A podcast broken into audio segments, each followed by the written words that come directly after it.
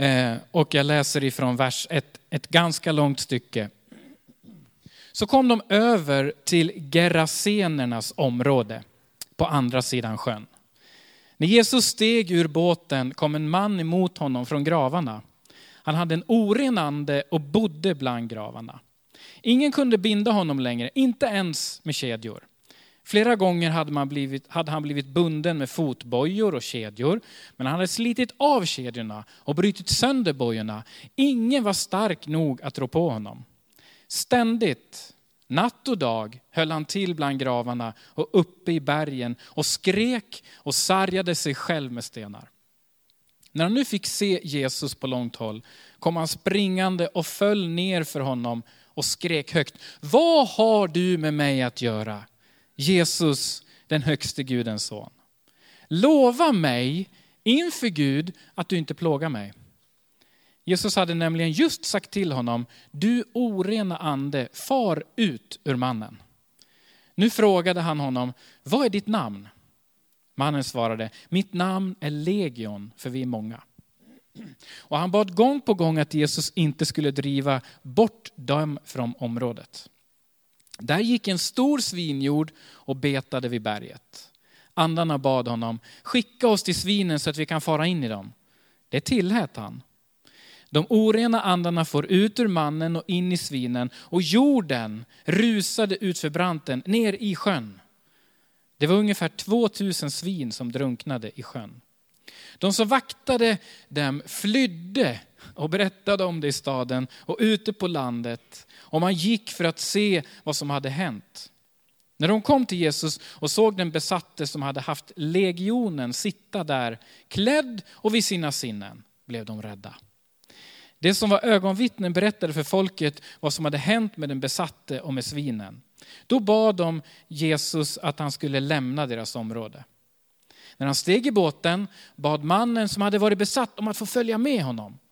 Men Jesus lät honom inte göra det utan sa, gå hem till de dina och berätta för dem om allt som Herren har gjort med dig och hur han har förbarmat sig över dig.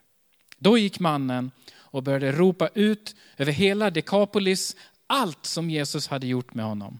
Och alla var förundrade. Tack Herre för att du kan ge oss någonting av detta far.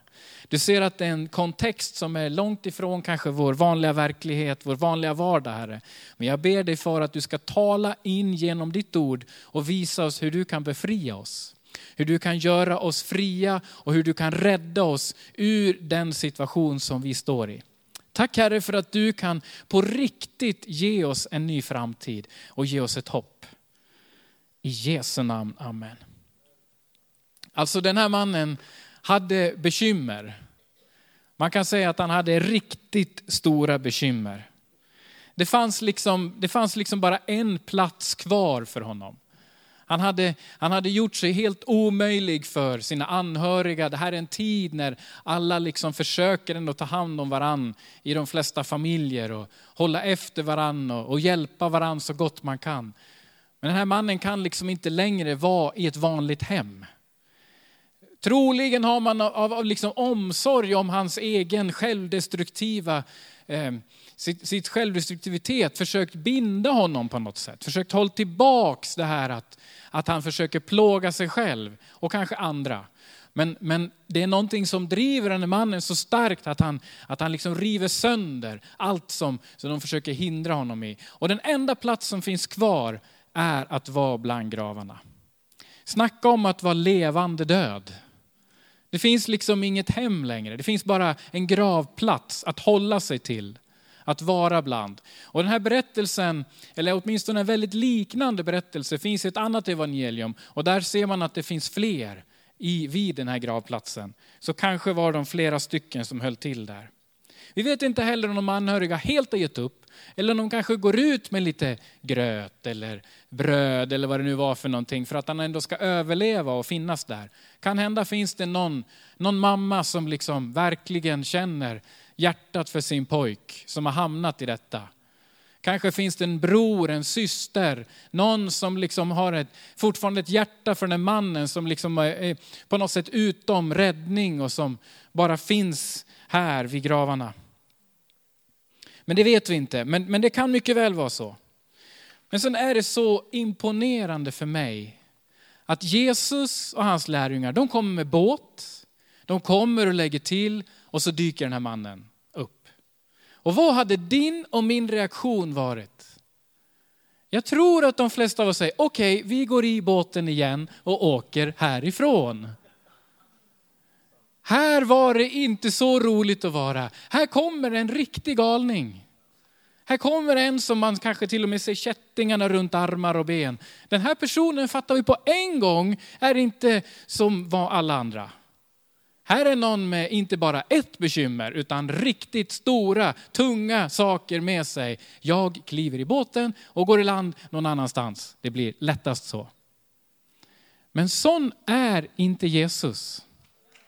Din och min Jesus är inte sån, vi tar en annan väg, en enklare väg. Utan han möter den här mannen. Det finns ingenting som jag kan se som vår, din och min Jesus Kristus väjer för, kliver undan för, duckar för, håller sig undan ifrån, utan står stadigt fast. Jag möter den här mannen. Och Jesus, han bara kliver fram, står stadigt. Och, och, vi förstår att den här mannen har haft det liksom alltså, gigantiskt svårt. Legion, eller legion, det kännetecknade en, en, liksom en del av en armé. Och på den här tiden så var det omkring 6 000 soldater.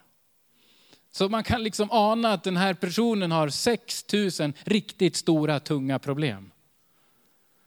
Och han har ett inflytande av den onde själv som är, som är stort. Vi har människor i vår stad som lever med självdestruktivitet. Vi har, du kanske har någon i din familj som det gör så ont i själen så att det enda som lindrar är att göra illa sig. Det är inte så ovanligt. Det är inte så ovanligt idag att, att tjejer och killar måste liksom rista sig i sin egen kropp därför att ångesten är så stark så att en fysisk smärta är lättare att bära. Jag har mött det här ett antal gånger och du kanske också möter det och har mött det i din familj, din släkt eller din klass. Du vet om att det finns det här beteendet att det, det, det är inte enkelt att leva. Och allt det behöver inte vara påverkat av den onde själv. Det är så mycket som görs av bara vårt samhällssystem så han behöver knappt göra någonting höll jag på att säga. Det liksom finns sådana här saker som triggar hur vi ser på oss själva och ser ner på oss själva. Så att det av, nästan av sig själv i vissa lägen och vissa delar i vårt samhälle så blir ångesten stor. Och så är det bara realiteten. Så är bara verkligheten. Inte så långt bort ifrån hur den här personen faktiskt hade det. Men det är kanske är annat som just du brottas med och du undrar, hur ska Jesus rädda mig? Om du inte har ett inflytande från den onde själv så kanske du har något annat som upplevs starkt liksom hotande. Det kanske är 6 000 andra bekymmer som är i ditt liv. Kanske är det någonting med ekonomi. Kanske är det någon som sitter här och på din arbetsplats eller i din personliga liv så är det liksom, inte 6 000 kronor men kanske det gånger tusen. Som liksom hotar och du har ingen aning idag om hur det där ska kunna lösa sig. Men jag vill påstå att Jesus är din räddare. På riktigt. Jag vill påstå att den Jesus jag tror på, och jag är övertygad om att du också hört talas om och kanske också tror på, är den som kan visa på en lösning. Vilka dina 6000 problem än är. Jesus kan idag bli din räddare. För du vet, när det börjar torna upp sig, en av de saker som försvinner, det är nattsömnen. Har du varit där? Jag har varit där. Du vaknar och du maler och du maler och det går mer än 6000 sekunder. Du löser, försöker lösa, kommer inte på det. Du försöker igen och det tar om och det tar om som en gammal LP-skiva som hamnar i ett hack och det är bara, du känner igen dig. Du vet hur det är. Du går upp, du går och dricker mjölk eller vatten, du försöker kyla ner dig på något sätt, du går och lägger dig igen. Men sömnen kommer inte, därför att du har fastnat i en stress och ett, liksom, ett, ett mönster i din tankebyggnad som bara håller dig fast. Min övertygelse är att Jesus är din räddare, vad det än är som pågår i ditt liv just nu. Och att han inte väjer från dina problem. Han kliver inte i båten och seglar i land någon annanstans där det var lite lugnare. Utan han står vid din sida. Sen händer någonting konstigt, kan jag tycka. Har ni tänkt på vad mannen gör? Han, när han fick se Jesus på långt håll kom han springande och föll ner för honom och skrek högt. Vad har du med mig att göra? Alltså den här mannen, enligt när man tittar lite i översättningen, så att han föll ner, det innebär att han förstod att Jesus var inte en vanlig fiskare. Inte en vanlig snickarson, inte en vanlig bonde från Galileen, utan det var någon som hade ett inflytande. Och i och med att han föll ner så faktiskt visade han någon slags tillbedjan, någon slags respekt för Jesus. Men på samma gång skriker han för full hals. Vad har du med mig att göra, Jesus? Den högste Gudens son. Lova mig inför Gud att inte plåga mig. Han både hyllar och skriker och liksom försöker påverka. Det onda inflytandet på den mannen förstod att här fanns det något särskilt.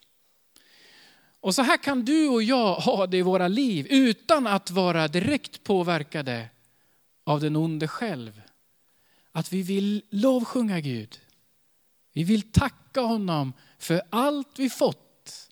Vi lyfter våra händer i lovsången. Och vi, vi känner att vi vill gå med Gud. Men vill du att jag ska förlåta Gud? Jag kan inte.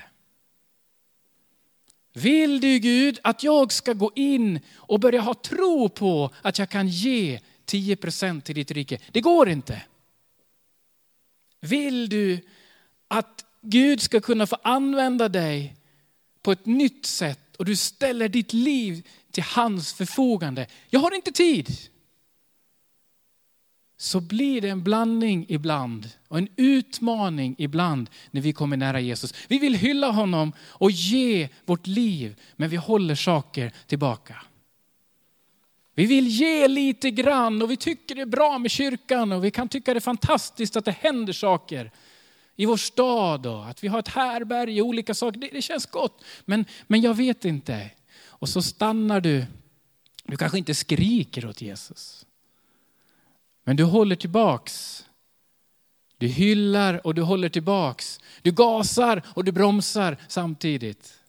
Och jag är inte ute efter ett gäng marionetter i den här kyrkan som bara ska göra som någon här säger. Utan jag önskar så att du ska få uppleva att du är ledd av Gud när du kommer in i hans närhet. Därför att det är en god Gud en omsorgsfull Gud, en kärleksfull och omhändertagande Gud vi tillhör. Inte en som ska bränna ut dig på ett halvår. Inte alls. Men en som vill visa under och tecken i din närhet. Därför att du är i hans förfogande, står i hans förfogande. Det finns många i Bibeln som har haft samma mönster som du och jag kan ha. Och även den här mannen då, fast lite annorlunda. Jag tänker på Jona. Vilket uppdrag han fick. Tänk att få gå till en stad och predika för en, en av de största antika städerna. Och få uppleva en väckelse över hela den staden. Att en hel stad vänder om till Gud, därför att Gud har kallat honom till att göra det. Och vad gör Jona på en sån fantastisk uppdragskallelse? Nej tack. Jag springer åt det hållet. Han gör allt han kan för att undvika.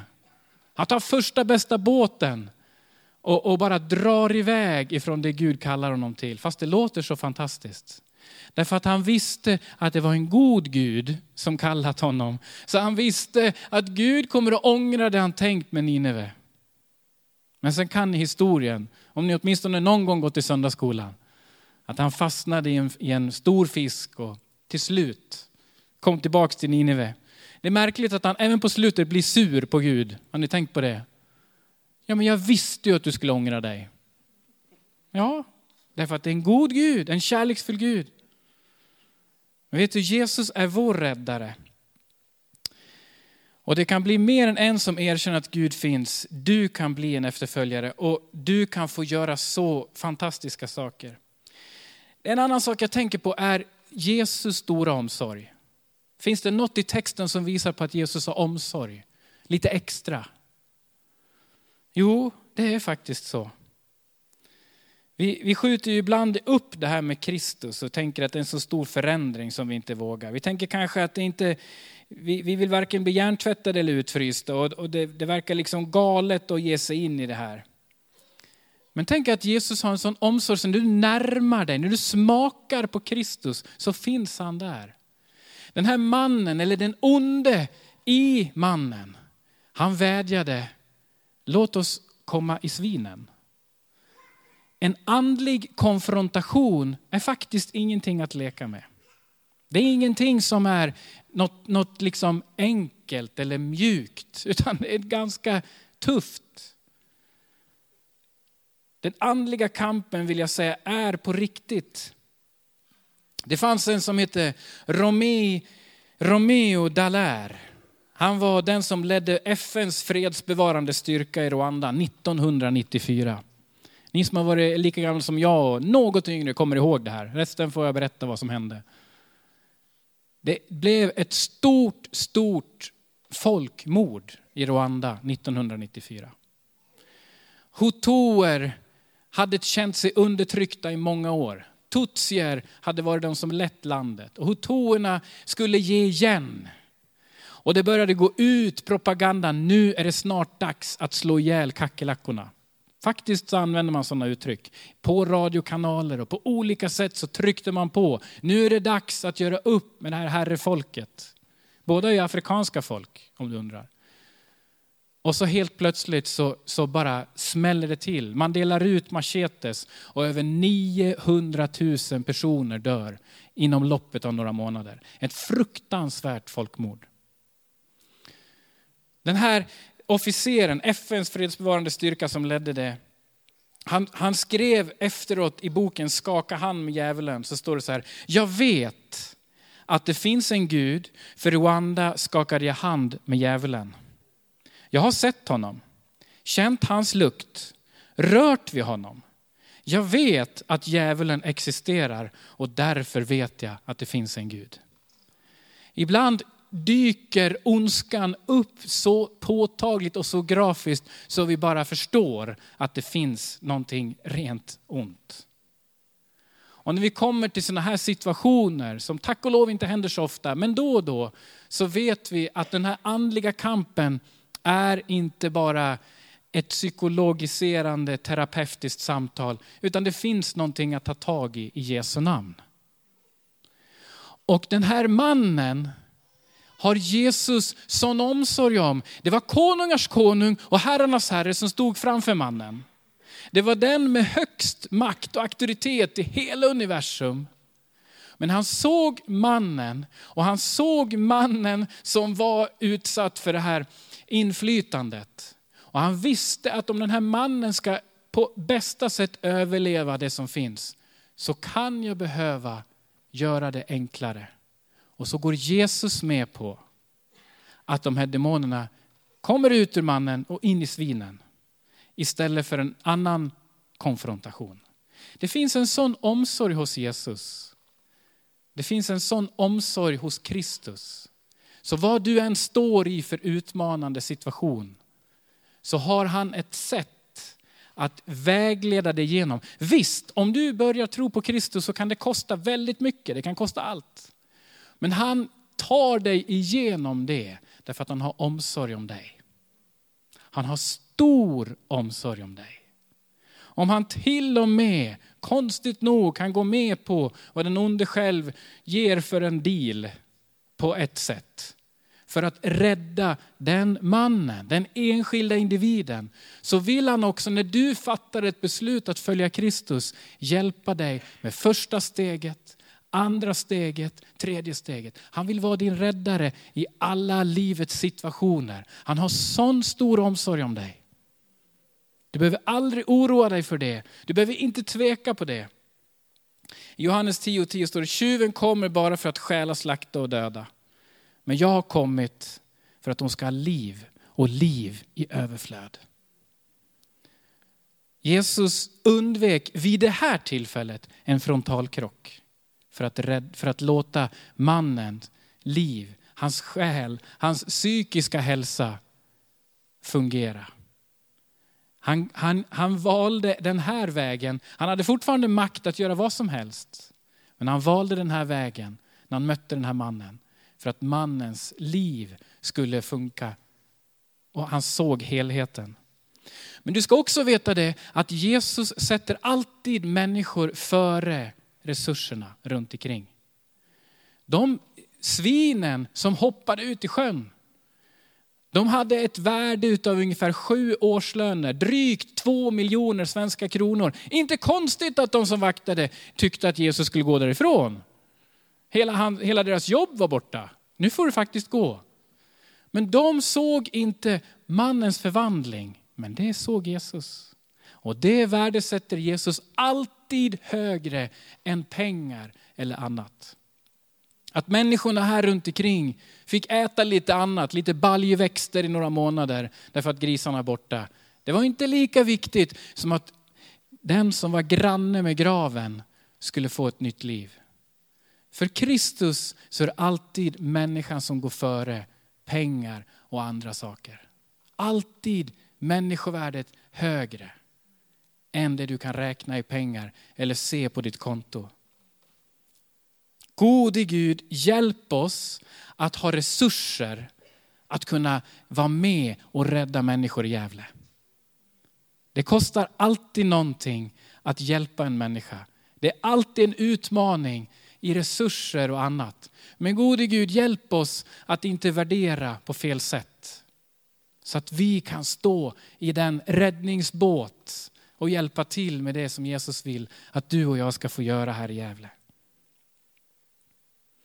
Sen blir mannen förvandlad. Han får på sig kläder. Han blir en evangelist.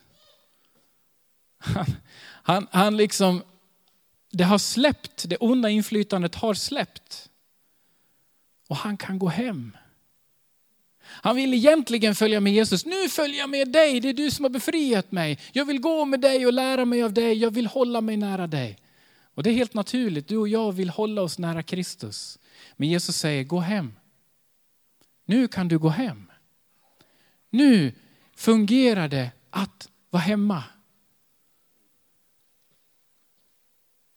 Han vill genom oss berätta att han är allas räddare.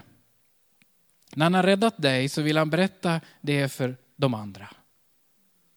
Det här är inga hemligheter. Det här är ingenting du måste komma upp i kunskapsnivå och ta olika examina, utan evangeliet, det är fritt. Det är till för alla. Det är till att kunna tas emot för allt och alla.